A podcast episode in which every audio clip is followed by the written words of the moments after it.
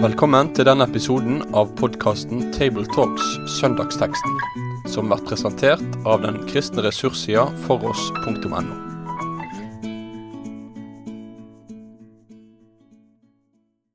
Hjertelig velkommen til en uh, ny episode av uh, Tabletalks, der vi snakker om søndagens preketekst. Og uh, dette er en del av nettsida foross.no. og i dag så skal vi samles og snakkes litt om, om teksten for 11. søndag i treenighetstida. Det er den teksten som skal preges over 25. august. og det er Johannes 8, vers 31 36 som er er dagens eh, tekst. Eh, sammen med meg, eh, jeg er Knut Kåre Kjerkholm, sammen med meg så har jeg Simeon Ottosen. Og Sverre Bø. Og treningstida, det er jo den her lange, lange perioden i kirkeåret hvor det på en måte ikke skjer så mye. sånn Ingen store høytider, egentlig, i treningstida. Ofte så har jeg kalt det for liksom grovbrødsperioden. Det er liksom den normaltida eh, hverdagene. Men samtidig så er det jo utfoldingen av pinse som på en måte skjer i treenighetstida. Eh, det handler om liv i trua, det handler om det å være disipler, følge Jesus. Eh, og, og eh, vi møtes av tekster som på ulike måter sier noe om det. Og I dag så møtes vi av en ganske røff tekst, egentlig. Og, og, vi skal straks snakke mer om den, men først så skal Simon få lese den teksten fra Johannes 8. Jesus sa da til de jødene som var kommet til tro på ham, Hvis dere blir i mitt ord, er dere virkelig mine disipler. Da skal dere kjenne sannheten, og sannheten skal gjøre dere fri. De sa til ham, Vi er Abrahams ett og har aldri vært slave for noen. Hvordan kan du da si at vi skal bli fri? Jesus svarte, Sannelig, sannelig, jeg sier dere, den som gjør synd, er slave under synden. En slave blir ikke i huset for alltid men en sønn blir der for alltid. Får Sønnen frigjort dere, da blir dere virkelig fri. Takk. Eh, jeg er vokst opp i en eh, sammenheng hvor, hvor en ofte har snakket om forholdet mellom vekkelseskristendom og oppdragelseskristendom, og forkynnelsen har ofte vært veldig sånn bidende, egentlig, og, og gått litt på klingen og, og, og eh, ja, vilt sette oss fast. Og jeg syns jo at dette er en tekst hvor Jesus absolutt eh, setter fast. Eh, for eh, han henvender seg jo til de som har kommet til tro på han. Og hva i all verden er det som foregår her? Hva refleksjoner gjør dere i møte med en, en sånn tekst? Ja, det er kanskje den aller skarpeste teksten jeg kan huske vi har, i hvert fall i løpet av kirkeåret, hvor det er overtydelig at Jesus konfronterer. Folk tenkte slik og slik, men Jesus kommer med en motpåstand som provoserer veldig. Og jeg vil tro at de som skjerpet profilen slik i bedehushistorien og vekkelseshistorien med oppdragelseskristendom eller vekkelseskristendom, de har tatt utgangspunkt kanskje aller mest i denne spesielle teksten. For her er det noe som overrasker meg og sikkert alle andre bibellesere. Først så står det to ganger at han sa til de som var kommet til tro på ham. Og så i neste omgang dere er syndens slaver og dere trenger en frigjøring. Så var de ikke kommet ordentlig til tro? Er det et A- og B-lag, eller er det eh, selvbedraget? Eller hva er det som skjer i teksten? Den roper på et eller annet her. Mm. Det... Jeg er oppvokst i en uh, litt annen kontekst, med mye forkynnelse som dreier seg om nåde, kanskje, mm. uh, og hva Jesus har gjort for oss. Uh, og det er veldig fint, det, men i møte med sånne her tekster blir man jo da litt stum, nesten. Mm. For her er det krav Jesus, uh, Jesus setter, og snakker om at for å være en disippel av han, så, så må man bli i hans ord. det er ikke, ikke nok å bare, å bare, tro på Jesus. Mm. Og det er jo Ja, det er noe som, som kan stikke litt. Og en, en, annen ting i denne teksten Vi, vi holder oss jo i dette segmentet hele tida, men, men, men, det er jo en ting også som jeg syns er, er, litt sånn her eh, altså, De ble jo sinte, det, det er jo ikke tvil om det. De ble provoserte. Eh, og så svarer de eh, Når Jesus snakker om at eh, sannheten skal gjøre dere fri, så svarer, svarer de altså Vi har Abraham sett og har aldri vært slaver for noen.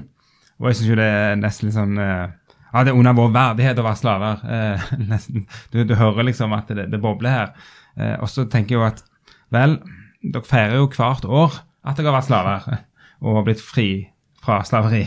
Hva, hva er det som foregår her? Altså, det er jo direkte feil, det de sier. Er det, løper de av? Er de så sinte nå, eller, eller, eller tenker de helt annet enn en, en det en skulle tro? På Jesu tid så var eh, hele middelhavsområdet okkupert av romerne. Og det var jo da 1200-1400 år siden befrielsen fra Egypt, da de virkelig var slaver gjennom flere hundre år.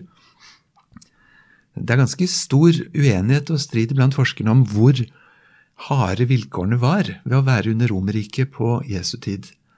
Eh, romerne ville jo påstå at de var ganske milde og tolerante, særlig i religiøse spørsmål. Eh, og likevel, de hadde titusener av tropper stående. Helt inne på tempelplassen i Jerusalem var det en stor militær borg. Mm. Og de hadde jo f.eks. da ikke lov til å felle dødsdom. Det måtte romerne gjøre. Og skatter og avgifter ble jo sendt i mengder til Roma. Så en litt sånn undertone av hvor er vi hen i vår mangel på mm. frihet, mm. det kan vi kanskje også ane, men det er jo ikke på det planet diskusjonen egentlig går. Jesus løfter dette med å være slave til et helt annet nivå i teksten. Mm. Ja, for Simon han snakker om slave under synd og, og snakker om å gjøre synd. Ja, det er jo Jeg syns det er, det er veldig, et veldig pussig svar de, de, gir til Jesus når han sier at sannheten skal gjøre dere fri. Eh, Jesus sier jo da implisitt egentlig at dere er slaver. Fordi mm. hvis man er fri, trenger man ikke å bli gjort fri. Eh, så der, der kommer jo anklagen allerede. Og jeg, jeg, tenker jo at eh, de, som du sa i stad, så har det jo vært klar over at eh, eh, deres forfedre var slaver. Det feirer de hvert år. Så jeg tenker at de, de, må tro om seg selv at de ikke har vært slaver i en slags åndelig forstand. Mm. Eh, og, og, da svarer jo Jesus at eh, den som gjør synd, er slave under synden. Mm. Og det er jo implisitt en ganske krass anklage, da. Mm. Vi er så opptatt av uttrykk som fri vilje, og kanskje også av at jeg gjør som jeg vil. Mm. Og eh, det er jo en påstand som er interessant å smake litt på. Nå skal ikke vi overlate sannheten til eh, hva filosofer og psykologer mener, mm. men det er ikke mange filosofer eller psykologer som vil gå i krigen for at mennesket har en fri vilje, eller at vi er så utrolig fri. I virkeligheten så viser vel enhver ettertanke og enhver studie at vi styres ganske mye av alt ifra reklame til barneoppdragelsen, til sosialt press og til dypest sett vår egen overlevelse. Hvis du spør en darwinist hva det er som styrer egentlig valgene våre, så er det ikke akkurat nestekjærlighet, omsorg og idealer, men det er hvordan kan jeg overleve, og hvordan kan jeg videreføre jeg, meg, mitt, mine gener. Og Jesus tar oss jo med på et mye dypere plan når han i grunn nekter for at vi har den type frihet dypest sett som vi vil. Luther hadde et veldig spennende uttrykk. Han snakka om at mennesket er innkrøket i seg selv. Du er liksom vendt innover, innover, innover, og aller innerst så ligger ego. Det er min egentlige Gud synden som har satt seg i jeg, meg, mitt og mine. Eh, og der trenger vi en frigjøring. Mm. Jeg tenker at i vers 35, når Jesus sier at en slave blir ikke i huset for alltid, så er jo det enda et stikk i retning av jødene, eller i hvert fall leser jeg det slik. da. For det, det visste de jo, at en slave den blir ikke i huset for alltid. Og jeg ser i hvert fall konturene av et angrep eh, på jødenes eh, egne nærmest selvsikkerhet om at de selv de er en del av familien, og familien blir jo alltid mm. eller, ja, Som han sier videre, en sønn blir der for alltid. Og her kaller han jo faktisk jødene slaver, så kan det være et lite stikk Jesus kommer med i retning av at det er ikke sikkert dere er en del av familien i likevel. Mm. Ja, det tror jeg det er. Det er det Paulus viderefører i Romerne 1, 2 og 3 når han spør hvem er egentlig Guds folk? Handler det om ytre avstamning og slektstre? Mm. Og så benekter han at det gjør det. Mm. eh, og peker på at eh, å ha fått loven og ha fått paktene og fått utvelgelsen, det bærer deg ikke i mål hvis ikke du selv. Så det er ganske sterke linjer som går under her, og den går jo helt tilbake til Det gamle testamentet. Profetene som igjen og igjen provoserte og erta folk, menneskelig sett, når de trodde at de var Guds folk. Og så sier Hosea, du er ikke mitt folk. Mm. Eller Jeremia, når han står i tempelporten i Jeremia 7 og, og, og, og, kaster fram disse voldsomme ordene. Og han definerer dem som du frafalne. Eh, og så lyder jo heldigvis et rop, da, vend tilbake, du frafalne. Mm. For Sønnen kan virkelig gjøre fri. Ja, jeg tenkte også på det at den Jeremia-teksten der han også står i det som åndelig sett var huset. ikke sant? Og så, og så sier han dere, dere tror dere alt er, alt er greit, bare dere har Herrens tempel stående her. Og så, og så, er dere jo ikke en del av det. Og, og selv om vi skal ikke bruke hus og trekke parallell til tempelet gjerne her, men, men, men, det er jo samme sak. Det, det, det med å tro at du er en del av noe, og så er du ikke det allikevel. Og så, og så får du det påpekt, og så Ja. Eh, følger jo responsen på det. Og, og eh, hvis jeg skal måtte vende tilbake til, til min egen oppvekst og forkynnelse jeg hørte, så, så, er det jo det der Den tonen der, eh, det som i, hos i, den, Der jeg kommer fra, vi kaller for vekkelsestonen i forkynnelsen. Eh, ja, her er det jo et eller annet. Her, her er det eh, den Altså, jeg, jeg har selv ofte vært frustrert òg på det. Jeg, jeg, jeg kommer jo fra skal ikke bli sånn personlig vitnesbyrd, men, men jeg kommer fra en tradisjon hvor, hvor han snakket så mye om det at en fikk nesten aldri høre det som Simon sier han har hørt så mye av. Mm. Eh, så den balansen den er jo òg viktig her. Men, men, nødvendigheten likevel av, av dette her eh, dette her stikket som, som, Jesus kom med, det, det er utrolig Ja. Men hvis vi leser oss langsomt gjennom 1000 sider Gammeltestamentet, mm og vi begynner å telle på hvor mange av de sidene er det hvor det ikke på en eller annen måte ligger denne smertefulle påminnelsen, så blir det faktisk ikke så mange mm. sider. Det er ikke et påfunn av norsk vekkelseskristendom eller ifra Luther. Det er på side etter side i den gamle pakt og i den nye pakt at den ytre tilslutningen, det er ufullstendig, og det kan til syvende og sist stå i veien for et ærlig oppgjør som går helt til hjertet. For syndens makt og syndens utbredelse, den trives utmerket i religiøse betingelser og rammer. Mm. Det er det jeg også syns er så interessant med denne teksten, at ofte i evangeliene så kritiserer Jesus eh, jøder, fariseere farisere og lignende. Mens her så er det liksom tydelig påpekt av Johannes da, at de jødene som har kommet til tro på ham. Mm. Eh, så kritikken skal jo ikke stoppe med en gang man har kommet til tro på Jesus. Mm. Nei, det er akkurat det. Skillet går liksom midt i Guds folk, eller midt i, mm. midt i de som følger Jesus. Det er det som er Jeg syns det er veldig bra at Den norske kirke, som andre kirker, fremdeles gjennom 2000 år eh, setter dette opp som en prekentekst. Det er veldig mange grunner til at man skulle skygge unna, mm. men det ville vært å på en måte jukse med grunnboka vi har. Mm. Jeg tenker på side én i Nytestamentet når Josef får høre hva Jesus skal hete, og hvorfor han skal hete det, så heter det Du skal gi ham navnet Jesus, for han skal frelse sitt folk fra deres synder, står det. Mm. Jeg har så mange ganger tenkt det kunne kanskje ha stått for, du, for han skal frelse sitt folk fra romerne. Det var jo det de trengte, menneskelig sett, ytre sett, politisk sett. Eh, men du skal frelse Han skal frelse sitt folk fra deres synder. Mm. Og da skjønner vi at dette handler ikke om jøder eller andre folkeslag, men det handler om mennesket som sådan. Og du har med den samme spenningen som vi hadde her. altså Disse her som aldri vært slaver for noen, og så får de likevel høre jo, det er faktisk en makt som, eh, som, eh, som dere er slaver unna. Og, og at en, en, lufter det opp på et uh, åndelig plan. Da, som mm. er viktig. Og så har vi jo allerede vært innom huset og litt sånn familiesnakk, kanskje. Eh, og klart, Det store er jo det som står i vers 36 her. Eh, altså sønnen. Da mener jeg familiespråket. Altså, Får sønnen frigjort dere, da blir du virkelig fri. At eh, Skal du virkelig bli en del av familien, så må du jammen meg vel komme til han som, som er sønnen med stor S, da, som òg det er tatt med her.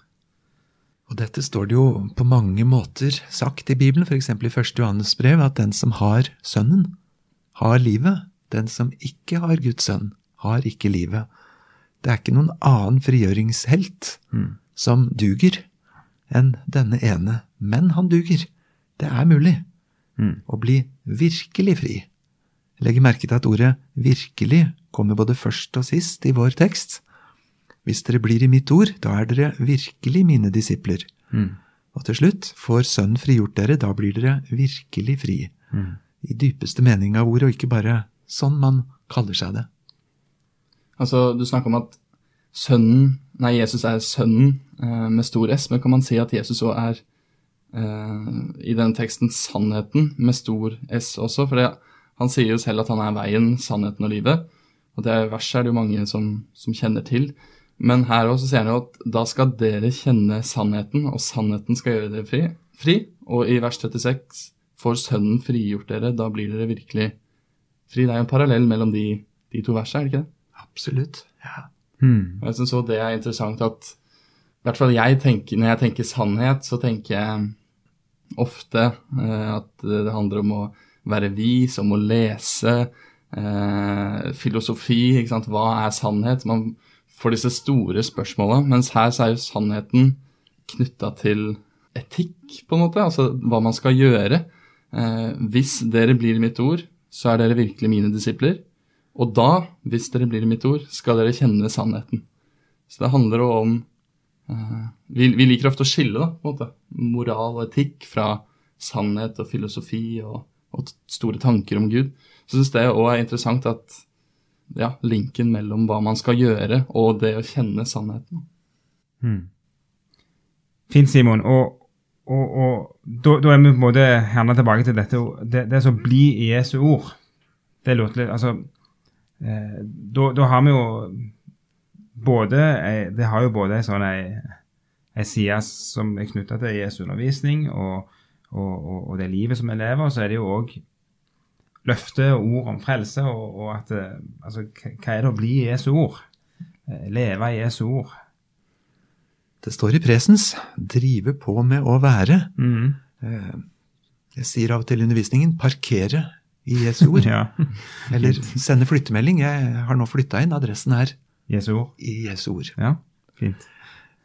Og, og så har jeg veldig lyst til å si noe av det Simon var inne på, at dette handler om mer enn bare at jeg stemte for noe og registrerte meg med et medlemskap eller meldte meg inn i et hagelag eller noe sånt. Mm. Altså, Guds ord er en ganske skummel sak, en stor greie. Det er ordet som frigjør meg og gjør meg til Guds barn, men det er også ordet som korrigerer meg dag for dag. Ordet som viser meg en vei.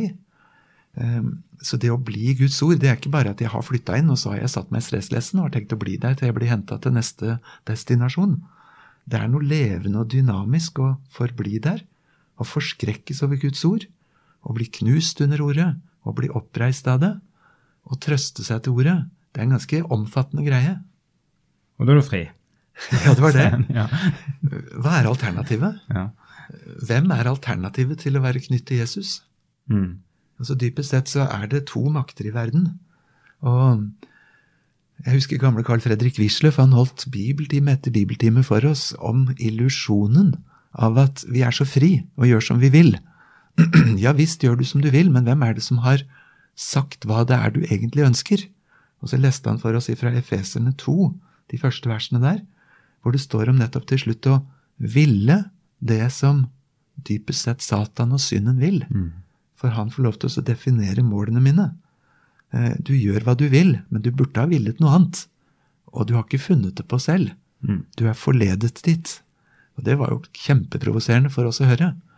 Og så ga han oss en sånn lakmustest. Han sa du er ikke fri til, med mindre du er fri fra. Forskjellen på å ta seg friheter, og så det å være fri fra å skulle. For hvis du virkeligheten er styrt av et eller annet instinkt i retning av at jeg bare må det, og du unnskylder det med at du er fri, da er du psykologisk sett veldig ufri. Og religiøst sett enda mer ufri. Ja, for det er akkurat det som er det gode poenget. At, eh, at og da er vi tilbake til slaveriet. ikke sant? Og, og, og det å være slaver under sunna. Eh, vi skal nærme oss en, en, eh, en avrunding. Eh, Hvis, det, hvis du skulle preikt over denne teksten, Simon, eh, har du noen tanker om hva du på en særlig måte kunne likt å lufte fram? Altså, jeg klarer jo på en måte ikke å fri meg fra tanken om at jeg vil snakke om eh, eh, sannhet. I hvert fall i min generasjon, da, så er jo eh, konseptet sannhet er et veldig vanskelig, vanskelig konsept. Hva er sannhet? Eh, og er det én sannhet, eller er det drøssevis av sannheter?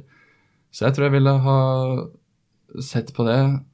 Sannhet, og ikke minst at sannhet er knytta til noe ikke intellektualistisk eller eh, kognitivt, men det handler om å bli i Jesu ord, rett og slett. Mm. Ja, jeg ville snakka litt om denne frigjøringshelten Jesus, håper jeg. Mm. Eh, som makter, og som kan, som er sannheten. Han som løfter oss ut med himmelens heisekran, av gjørma der ingen kommer noen vei, fri fra syndens skyld i regnskap med Gud. Og gradvis er han også i stand til å løfte oss ut av syndens makt, så vi får en ny herre. Men det er ikke fullstendig før den dagen jeg er død, menneskelig sett. Da er jeg forfremmet til herligheten, som Frelsesarmeen ofte sier, med, med, med, god bibelsk grunn. Mm. Så den frigjøringen, først ifra skylden, som gjør meg til et Guds barn, og så denne kampen med å bli fri fra syndens makt, som dessverre er så altfor hard på meg og rundt meg, og lengte til den dagen jeg skal være helt fri. Ja, fint. Og ja, og, og eh, jeg har òg tenkt Når jeg leser den, så er det, det er jo særlig dette her det, det slynges liksom i, i, i, fleisen på oss, dette her. Uh, her sitter liksom Her sitter vi fromme og fine og tenker at vi, vi alt, alt, alt er vel, og så kommer dette her. Og, og, og det å få lufta det opp og, og, sagt noe om det. og At det er et alvor i dette her, det, det tror jeg er en, en viktig, viktig, ting. Eh, at, eh, at det òg får plass. da. Og det, det, er fint, som vi har allerede påpekt, at, det, at dette er en tekst som, som leses i, i kirkeåret. Eh, til de av dere som, som ønsker å, å, grave mer på, for oss eh, rundt denne teksten, så er det òg en, en skriftlig tekstutleggelse av den som en kan lese, og, og, eventuelt andre ressurser som er tilstøtende. Dette er jo en tematikk, det der med vekkelse og, og, og uh, skillelinjer midt i Guds folk, som, som, uh, som uh, behandles andre plasser. med dette så ønsker jeg å, å, si takk for i dag til dere som lytter på oss, og vil ønske dere Guds velsignelse både når du skal lytte til forkynnelse over den teksten, og når du, eller hvis du sjøl skal tale ved denne teksten. Med det sier vi takk for følget for denne gang. Finn flere ressurser, og vær gjerne med å støtte oss på foross.no.